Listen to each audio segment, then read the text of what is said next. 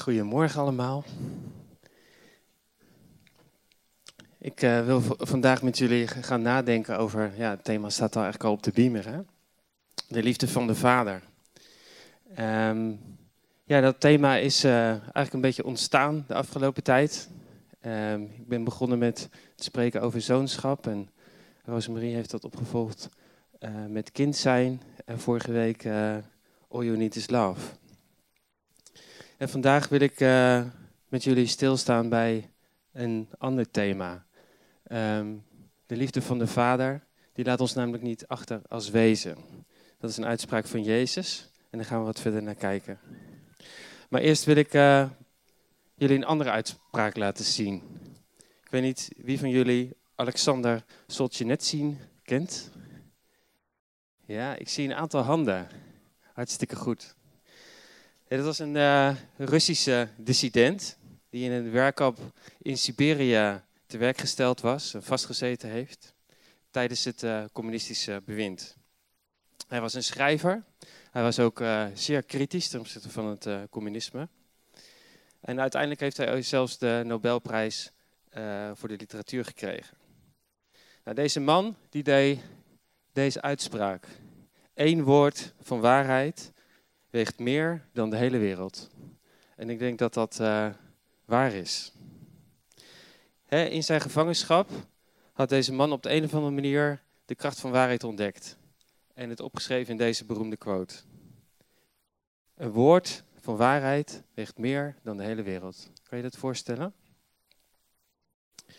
Nou, vandaag wil ik met jullie stilstaan bij een ander woord van waarheid. Een woord dat zwaarder weegt dan de hele wereld. Maar voordat we met elkaar naar dat woord gaan kijken, wil ik graag dat eerst in de context plaatsen. En we gaan vandaag luisteren naar woorden van Jezus op een bijzonder moment. Het zijn de laatste woorden van Jezus. Het zijn de woorden die hij uitspreekt uh, tegen zijn vrienden. Het is een moment dat hij weet uh, dat het einde nadert, dat hij gaat sterven. En juist omdat hij dat weet, belegt hij een intiem moment met zijn vrienden. Om samen met hen te zijn en samen met hen te eten. En dat is het moment van het laatste avondmaal. We hebben net het avondmaal gevierd. En Jezus heeft net de voeten gewassen van de discipelen. En uh, nu liggen ze aan tafel. En uh, ze hebben het brood ge gebroken en de wijn gedronken. En Judas heeft uh, de groep verlaten om zijn duistere plannen uit te voeren. En dat is dan het moment dat Jezus zich richt tot zijn leerlingen. En dat kunnen we lezen in Johannes 14 vanaf vers 10. Geloof je niet dat ik in de Vader ben en dat de Vader in mij is? Ik spreek niet namens mezelf als ik tegen jullie spreek. Maar de Vader die in mij blijft, doet zijn werk door mij. Geloof me, ik ben in de Vader en de Vader is in mij. Als je mij niet gelooft, geloof het dan om wat Hij doet. Waarachtig, ik verzeker jullie, wie op mij vertrouwt, zal hetzelfde doen als ik. En zelfs meer dan dat. Ik ga immers naar de Vader. En wat jullie dan in mijn naam vragen, dat zal ik doen. Zodat door de Zoon de grootheid van de Vader zichtbaar wordt. Wanneer je iets in mijn naam vraagt, zal ik het doen. Als je mij lief hebt, houd je dan aan mijn geboden. Dan zal ik de Vader vragen jullie een andere pleitbezorger te geven, die altijd bij je zal zijn. De geest van de waarheid. De wereld kan hem niet ontvangen, want ze ziet hem niet en kent hem niet. Jullie kennen hem wel, want hij woont in jullie en zal in jullie blijven. Ik laat jullie niet als wezen achter. Ik kom bij jullie terug. Nou, ik wilde dit even in de context lezen, maar er staan natuurlijk een hele hoop hele krachtige waarheden al in dit kleine stukje wat we net gelezen hebben. Kunnen we vandaag niet allemaal behandelen natuurlijk. Dus ik wil um, ja, graag stilstaan bij dat laatste vers, vers 18. En in de tekst um, ja, noemt Jezus een aantal belangrijke dingen die echt eh, het doel van zijn missie hier op aarde raken. En laten we vandaag dus dan inzoomen op vers 18. Ik laat jullie niet als wezen achter, ik kom bij jullie terug. Dat zijn de woorden van Jezus. En deze uitspraak van Jezus, die heeft uh, meerdere niveaus in zich. Allereerst het meest letterlijke. Jezus wilde zijn vrienden verzekeren dat hij terug zou komen. Um, Jezus die ging sterven aan het kruis en hij wist dat hij terug zou komen. Hij wist dat hij zijn vrienden terug zou zien. Het lijden en het sterven, dat zou niet het laatste woord hebben. Maar toch zat er ook een andere kant aan. Jezus deed deze uitspraak niet in een weeshuis. Ik heb net uitgelegd dat Jezus die uitspraak deed in de nabijheid van zijn vrienden, van zijn leerlingen. En um, ja, vanuit de teksten die daarvan uh, van bekend zijn, weten we dat zij geen wezen waren. Petrus en Andreas die hadden nog een vader, want die wordt in de Bijbel genoemd. En datzelfde geldt voor Jacobus en Johannes, want zij werden de zonen van Zebedeus genoemd. En zelfs de moeder van hun, die stelde nog een vraag aan Jezus. Of ze aan de linkerhand en de rechterhand naast hem in zijn koninkrijk mochten zijn. En toch zegt Jezus tegen hen, ik zal jullie niet achterlaten als wezen. Waarom zegt hij dat zo? En waarom bedoelt hij dat? Wat bedoelt hij er dan mee? Het is denk ik ook belangrijk om te beseffen dat uh, Jezus deze woorden uitsprak ook namens zijn vader. We hebben net gelezen in vers 10 dat hij zegt, ik spreek niet namens mezelf als ik tegen jullie spreek, maar de vader die in mij blijft, doet zijn werk door mij. Dat wil dus zeggen dat deze woorden geboren zijn in het, liefdevolle, in het liefdevolle hart van de Vader. Ik laat jullie niet als wezen achter, ik kom bij jullie terug. En ergens vormt dat de basisgedachte van de missie van Jezus in deze wereld. Deze woorden vormen een hele belangrijke kern in het evangelie. Deze woorden hebben een gewicht dat zwaarder is dan de wereld. De, de schepper van hemel en aarde, die spreekt opnieuw tot zijn schepping.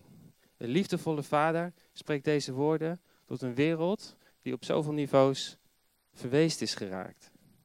En sinds de zondeval is de mensheid verstoken van de liefde van de vader. Je zou kunnen zeggen dat de wereld, sindsdien vervallen is tot een, een soort weeshuis. We zijn mensen geworden zonder contact met een vader. We zijn mensen geworden die op een bepaalde manier grijpen uh, en graaien naar wat, wat ze in eigen kracht kunnen bemachtigen. Dat is een beetje de metafoor die achter deze tekst zit. Het, het, het wezen van een wees.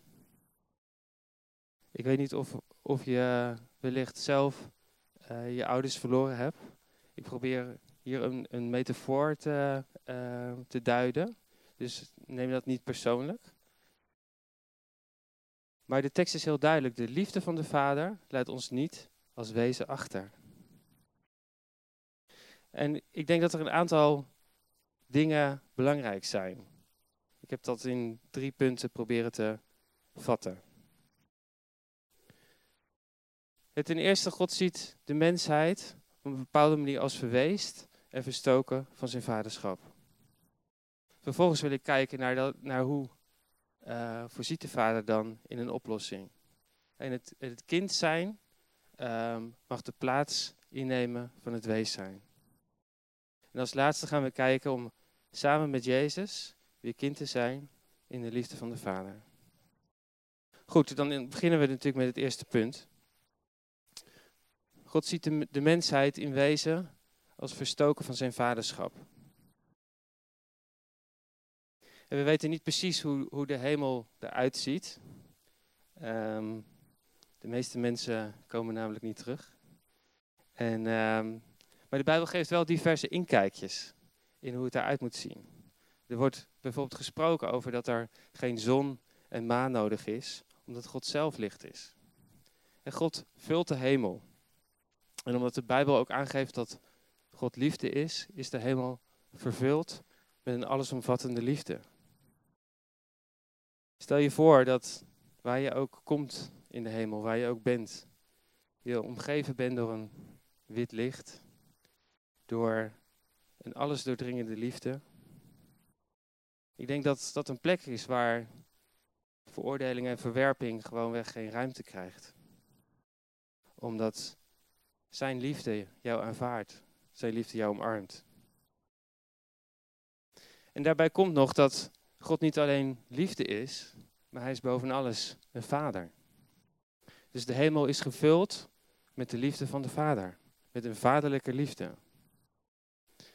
Vanuit het diepst van zijn wezen is God vader.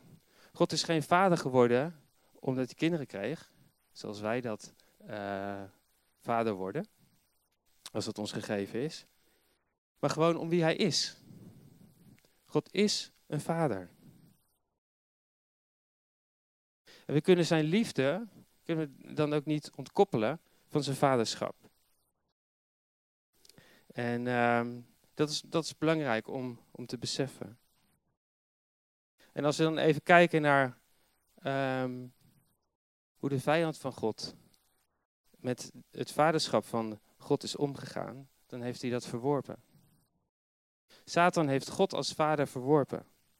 En die is eigenlijk voor zichzelf begonnen met een, uh, een koninkrijk op deze wereld.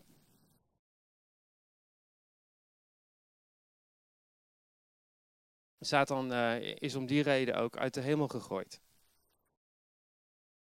En toen dat gebeurde, raakte hij dus ook verstoken van iedere vorm van vaderschap.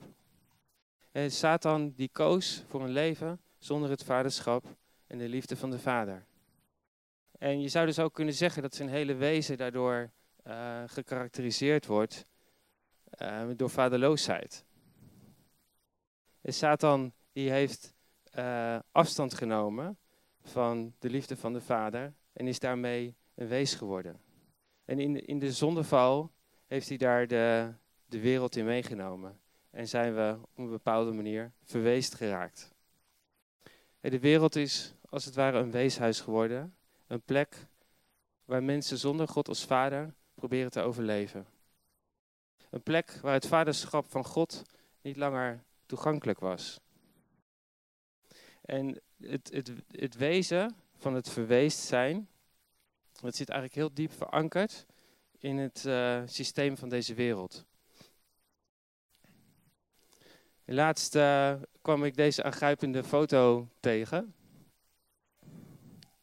En uh, dit is een foto, ik weet niet of je het goed kan zien, van een jongetje, een weeskind, um, die gemaakt is in een weeshuis in Irak. Dit jongetje heeft beide ouders verloren in de, in de Golfoorlog. En s'nachts slaapt hij niet in zijn bedje, maar op een krijttekening van zijn moeder. Die heeft hij zelf gemaakt. En dit beeld zegt iets heel belangrijks over het wees zijn, waar we het vandaag eigenlijk over hebben. Het jongetje heeft namelijk iets gecreëerd waarmee hij zijn afwezige moeder probeert te vervangen. En hij is eh, ja, door de nood gedwongen, uh, moet hij daar genoegen mee nemen. Omdat zijn moeder niet aanwezig is. En niet aanwezig kan zijn. Maar op het moment dat dat jongetje wees werd, is zijn behoefte aan liefde en uh, vaderschap en moederschap niet veranderd. Zijn hart heeft nog steeds die liefde nodig. En hij verlangt naar de omarming van zijn moeder. Dat laat de tekening heel duidelijk zien. Als je goed kijkt, ligt hij precies uh, met zijn hoofd over haar arm heen. En het jongetje heeft dus een manier gevonden om de echte omarming van zijn moeder in levende lijven te vervangen door de ingebeelde omarming van deze krijttekening. En probeert zo te overleven. En zo werkt het eigenlijk ook met de hele mensheid. Onze behoefte aan de vaderlijke liefde van God is echt niet veranderd. We zijn gemaakt voor het ontvangen van de liefde van de Vader. Janneke verwoordde dat vorige week, all you need is love. Het diep van binnen hunkeren we nog steeds naar die omarming. Het liefdevolle hart van de Vader mag ons thuis worden. Het liefdevolle hart van de Vader mag ons thuis zijn. En het liefdevolle hart van de Vader roept het uit in deze wereld. Door de woorden van Jezus. Ik laat jullie niet als wezen achter, ik kom bij jullie terug. En ik geloof dat deze woorden ook al in het hart van Adam en Eva waren. Of uh, van God waren toen Adam en Eva kozen voor de zondeval. Met de zondeval verloren ze de nabijheid van God. En daarmee deed eigenlijk het, wees zijn zijn intreden. Ze verloren het contact met God als vader. En sinds de zondeval ziet God ons eigenlijk als wezen die verstoken zijn van zijn vaderschap. Dan het tweede punt. Het kind zijn mag de plaats innemen van het wees zijn. Want dat is wat er gaat gebeuren als de echte ouders terugkomen. Als de echte ouder terug zou keren, dan is een weeskind geen wees meer. En kan, een, kan het kind weer echt kind zijn.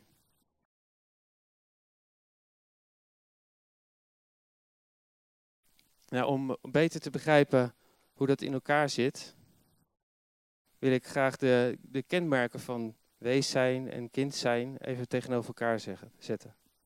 We beginnen met de kenmerken van het wees zijn. Kijk, het is, is duidelijk, hè? Een, een wees heeft geen ouders meer en mist daardoor ook heel vaak een veilig thuis. Een wees heeft vaak niemand die hem of haar zijn hele leven al kent. Een wees mist de ouderlijke bescherming. En zal daardoor veel meer moeten vechten voor zijn plek en alles ook veel meer op eigen kracht moeten doen. Een wees heeft vaak geen familienaam of draagt de naam van een adoptiegezin. En kent op een bepaalde manier ook maar heel weinig van zijn eigen familiegeschiedenis. En daardoor is er ook een bepaalde onbevangenheid verloren gegaan. De onbevangenheid om liefde te ontvangen. Omdat die bron van onvoorwaardelijke liefde gewoonweg niet toegankelijk is en is weggevallen. Dan de kenmerken van het kind zijn. Voor een kind in een normaal gezin zijn de ouders dagelijks bereikbaar en is er een veilig thuis. Ouders die kennen hun kind al een hele leven en zorgen uh, voor hen. En misschien uh, zong je moeder al een liedje voor je terwijl je nog niet geboren was. Ouders beschermen hun kind en geven hun kind wat het nodig heeft. En daardoor is het mogelijk voor een kind om zorgeloos op te groeien. En uh, krijgt daarmee ook de imprint uh, dat er altijd genoeg is. Dat er geen tekorten zijn. En een kind draagt de familienaam. En kan daarmee in de, in de voetsporen treden van hen die hem zijn voorgegaan. Een gezonde familie heeft uh, rolmodellen waar je als kind ook naar uit kan strekken. En een kind is uh, dagelijks aanwezig in de onvoorwaardelijke liefde van de ouders. Nou, dit zijn zomaar een aantal kenmerken als je die tegenover elkaar zet. Dingen die zo verschillend zijn, zo anders zijn tussen het wees zijn en het kind zijn. En het kind zijn mag de plaats innemen van het wees zijn. Op wat voor manieren wij dat ook in ons eigen leven hebben opgedaan. We zijn bedoeld om als kinderen van God zijn liefde en zijn vaderschap te ontvangen. We zijn bedoeld om zijn naam te dragen. Hij kent ons al ons hele leven lang. En zijn liefde is onvoorwaardelijk. Maar toch is dat niet zo eenvoudig. Want ook als we in een gezin opgegroeid zijn, waar we gewoon onze ouders uh, bij ons hadden, komen we toch in aanraking met tekorten. En tekorten die uh, kunnen leiden tot bepaalde vormen van verwees zijn. En daarbij groeien we ook op in een, in een wereld um, die de liefde van de Vader niet kent, in veel gevallen. En vervreemd geraakt is van Hem. En daardoor um, ja, ook verweest is. De wereld volgt ook systemen van verweest zijn. En wij, wij groeien ook op met die systemen. En ook met de waarden die daar dan bij horen. En we zien dat op allerlei plekken terug. Bijvoorbeeld hoe uh, geld en macht verdeeld is in de wereld. Dat is vaak gebaseerd op weeswaarden. Het kapitalisme gaat uit van winst en voordeel halen. Maar al te vaak, ongeacht of dat ook rechtvaardig is of eerlijk. En zo zijn de gevolgen van de financiële crisis uh, vaak door de mensen betaald die gewoon netjes hun belasting betalen. En niet door degene die de risico's namen. En de wereld gaat ook uit van het recht van de sterkste. En kent macht toe aan degene die al macht hebben. Maar dan dichter bij huis. Ook in de kerk kunnen dergelijke weessystemen zijn doorgedrongen. En je kan ook in, in het koninkrijk van God uh, op de een of andere manier toch aan het bouwen zijn aan je eigen koninkrijk. Of een naam voor jezelf te creëren. Of door belangrijk werk te doen, betrokken te willen zijn bij een belangrijke bediening. Met een motivatie die gebaseerd is op weeswaarde. als, ik, als ik iets belangrijk doe, dan ben ik belangrijk. Dus als je belangrijk wilt zijn, moet je iets belangrijks gaan doen. Dat is kenmerkend voor het weessysteem. Een kind dat uh, onvoorwaardelijk geliefd is, zal vanuit een ander waardesysteem denken. Ik ben geliefd gewoon om wie ik ben en niet om wat ik doe. En Gods roep, ik laat jullie niet als wezen achter, ik kom bij jullie terug, is een roep uit het hart van de Vader. Een roep die de wereld, maar ook de kerk terugroept naar haar oorsprong. Terugroept ook naar de waarde van het koninkrijk. Hij roept ons om te geven in plaats van te nemen. Hij roept ons om van Hem te ontvangen in plaats van zelf te voorzien. Hij roept ons naar zijn hart. Zijn hart dat steeds meer ons thuis mag worden. Dat steeds meer ons thuis mag zijn. Want dat is de plek waar ik geliefd ben om wie ik ben en niet om wat ik doe. En wanneer jij die waarde van Gods koninkrijk overneemt en integreert en verdiept in je leven, in je doen en laten, dan heeft dat ook effect op je omgeving. Want onbewust geef je anderen daarmee de permissie om hetzelfde te doen. Je laat zien dat het mogelijk is om um, ja, vanuit die waarde te leven, vanuit geliefd zijn en dat je niet um, vanuit angst leeft, maar vanuit liefde.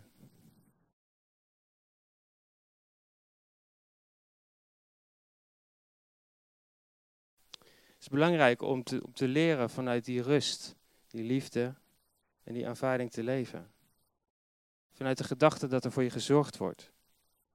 dus dan hangt niet alles af van jouw prestaties. En je hoeft niet anderen te bevechten om zelf genoeg te hebben.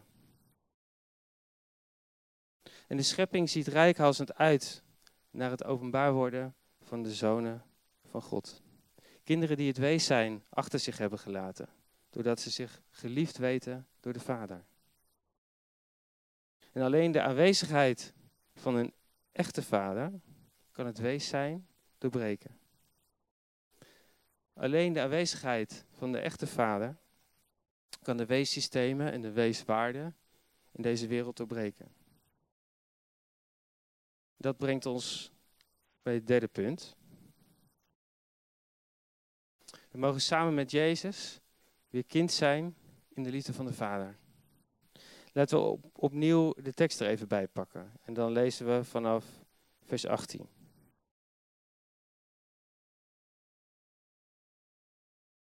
Ik laat jullie niet als wezen achter. Ik kom bij jullie terug. Nog een korte tijd en de wereld zal mij niet meer zien. Maar jullie zullen mij wel zien, want ik leef. En ook jullie zullen leven. Dan zul je begrijpen dat ik in mijn Vader ben, dat jullie in mij zijn en dat ik in jullie ben. Wie mijn geboden kent en er zich aan houdt, heeft mij lief. Wie mij lief heeft, zal de liefde van mijn Vader en mij ontvangen. En ik zal mij aan hem bekendmaken. Door het lijden en sterven van Jezus aan het kruis kan God als Vader weer wonen in zijn kinderen. Het zoonschap van Jezus woont in ons omdat Hij in ons woont. En Jezus liefhebben zet de liefde van de Vader in ons leven vrij. En alleen in de aanwezigheid van de onvoorwaardelijke liefde van de Vader is het mogelijk om het verleden van het wees zijn achter ons te laten. En vorige keer uh, toen ik over het zoonschap sprak, heb ik wat dingen verteld over de relatie met mijn eigen vader. En ik heb uh, wat verteld over de worsteling uh, om, om zeg maar zelf te groeien in het zoonschap. Dat ik dat echt heb terug moeten vinden in mijn leven. En ik heb toen niet helemaal uitgelegd uh, hoe ik dat gedaan heb. Dus daar wil ik vandaag wat meer over zeggen. Ik ben op een gegeven moment gaan zien dat door de generaties heen ouderschap in mijn familie um, op een bepaalde manier verschraald geraakt is. Je zou kunnen zeggen verweest geraakt. En ondanks dat er wel ruimte was voor religie, werd de liefde van de vader niet begrepen. En daarmee uh, was, het, was er wel ouderschap, maar dat was ook doortrokken van bepaalde weeswaarden. Het was bijvoorbeeld uh, heel erg belangrijk om een goede opleiding te hebben. En die dan ook met uh, dito resultaten af te ronden. Nou, dat lukte bij mij niet altijd op de manier zoals dat de bedoeling was. En dat, ehm, ja, daardoor heb ik eigenlijk ook de boodschap opgepikt van hey, het is, uh, je, je prestaties zijn eigenlijk belangrijker dan wie je bent. En um, ja, dat klopt niet. Maar nu kan ik zeggen dat um, ja, door Jezus het kind zijn, zeg maar, teruggevonden heb. Kind zijn van de Vader. En dat is een proces van jaren geweest. En door steeds opnieuw uh, de liefde van de Vader te ontvangen, zijn eigenlijk stukje bij beetje die weeswaarden en weessystemen veranderd. En wellicht ben ik er nog steeds mee bezig. Dus ik zal hier niet zeggen dat ik daar al klaar mee ben. Maar ik kan je dus uit eigen ervaring vertellen dat uh, wat er in vers 21 staat, dat dat waar is. Er staat, wie mij lief heeft, zal de liefde van mijn vader en mij ontvangen. En ik zal mij aan hem bekendmaken. Nou, hoe werkte dat nou? Nou, ik heb ongeveer in die periode dat ik daar heel erg mee bezig was, drie jaar lang ongeveer iedere zondag voor me laten bidden. En um, zijn er steeds mensen naar me toegekomen, die hebben voor me gebeden, die hebben me gezegend. Soms vroeg ik me af of ze enig idee hadden wat er gebeurde, misschien ook wel. Um, maar God, die is met je, met je bezig. En die geeft iedereen een stukje van zijn liefde, en zo wordt de puzzel compleet. Als we dat uh, ontvangen. En uh, ik kan echt zeggen dat, dat, uh, dat ik dat aan iedereen kan aanraden. Gods liefde is essentieel. Is essentieel voor, voor wie jij bent, voor wie jij kan worden. En uh, zijn liefde is zo fundamenteel, daar kan je echt op staan. Dat is de, de, de meest krachtige kracht in het universum, zou ik willen zeggen. Het is wie hij is. En daarmee mogen wij verbonden zijn. Daarmee mag jij, ja, ja wie je bent, wat je doet, uh, mag daar helemaal op gebouwd zijn.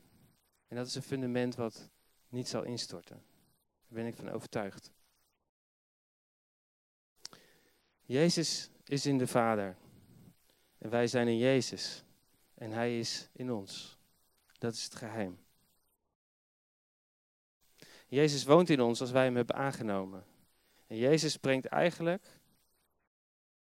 de Vader en daarmee de liefde van de Vader, neemt hij mee.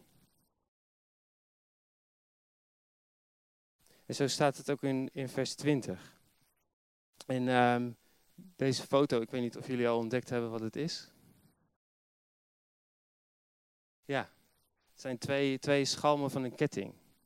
En je kan, uh, je kan van de ene schakel, die zit natuurlijk ehm, door de andere schakel heen.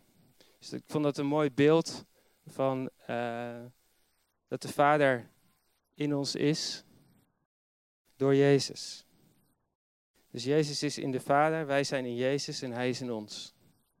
Is een mooi beeld, een ketting.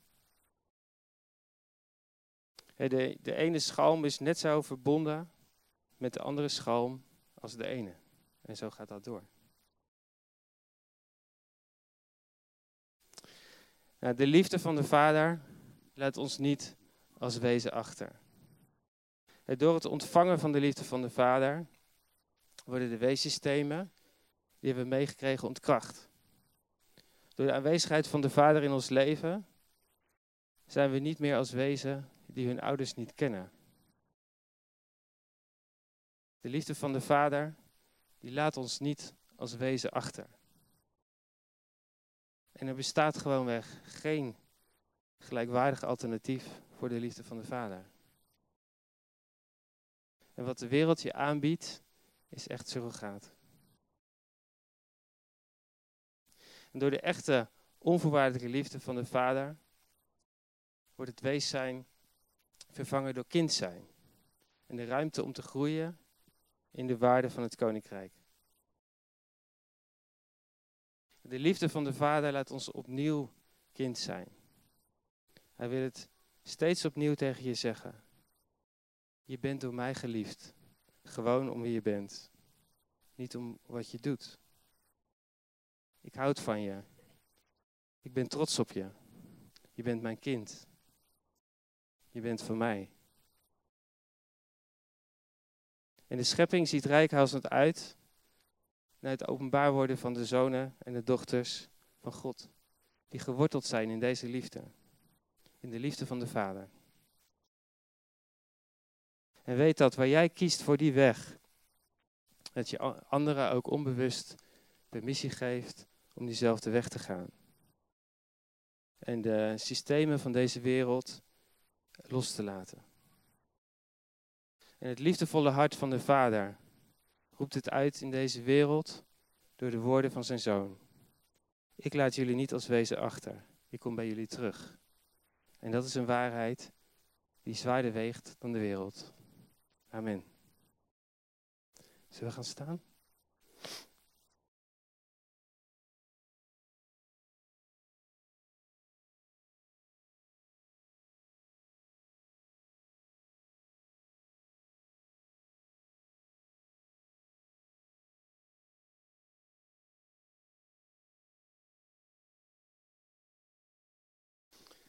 Vader, dank u wel voor uw liefde.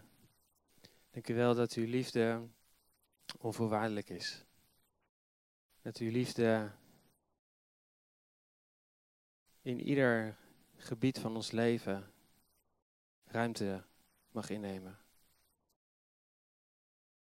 Vader, dank u wel dat u uh, zo ontzettend veel van ons houdt. Dat u alles gegeven heeft, uw eigen zoon.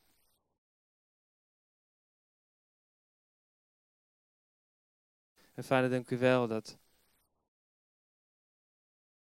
nu we zo ook uh, stilgestaan hebben bij het feit dat u vader bent.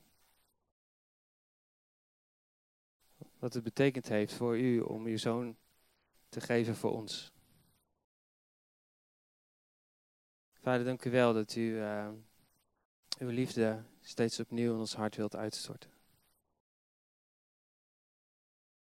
Hoe we ook ehm, zijn opgegroeid.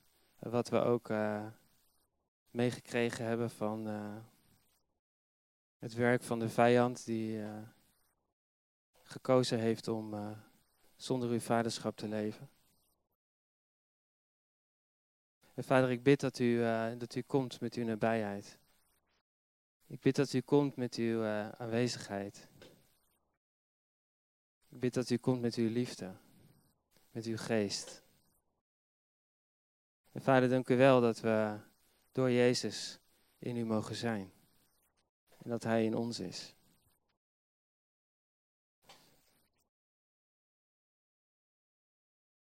En ik heb opnieuw een vraag die je zelf aan de Heer mag stellen. Wie is jouw vader? Probeer zijn antwoord te horen. Wie is jouw vader?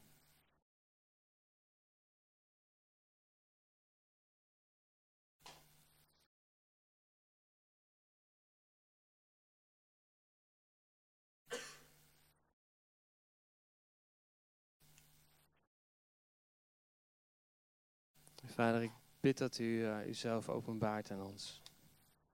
Als een liefdevolle Vader.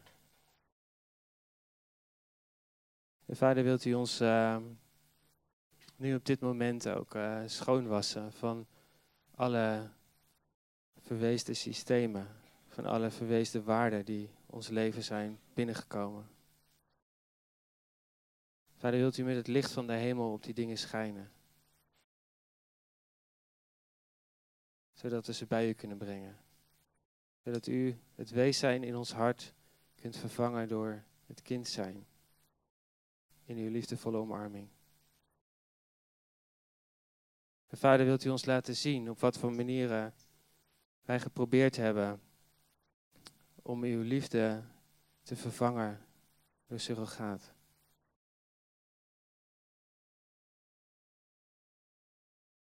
Heer, help ons om die dingen om te wisselen voor het goud van uw liefde wat u ons wilt geven.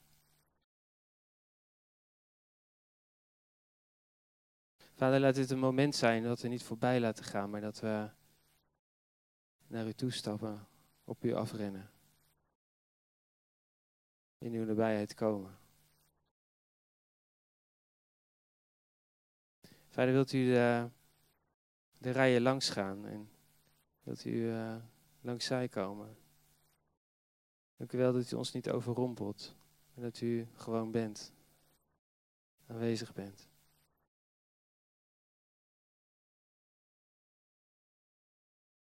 Vader, dank u wel dat u ons niet als wezen achterlaat, maar dat u bij ons bent gekomen. Dat uw liefde reëel is. Dat we daar uh, op mogen bouwen, dat we daarop mogen staan.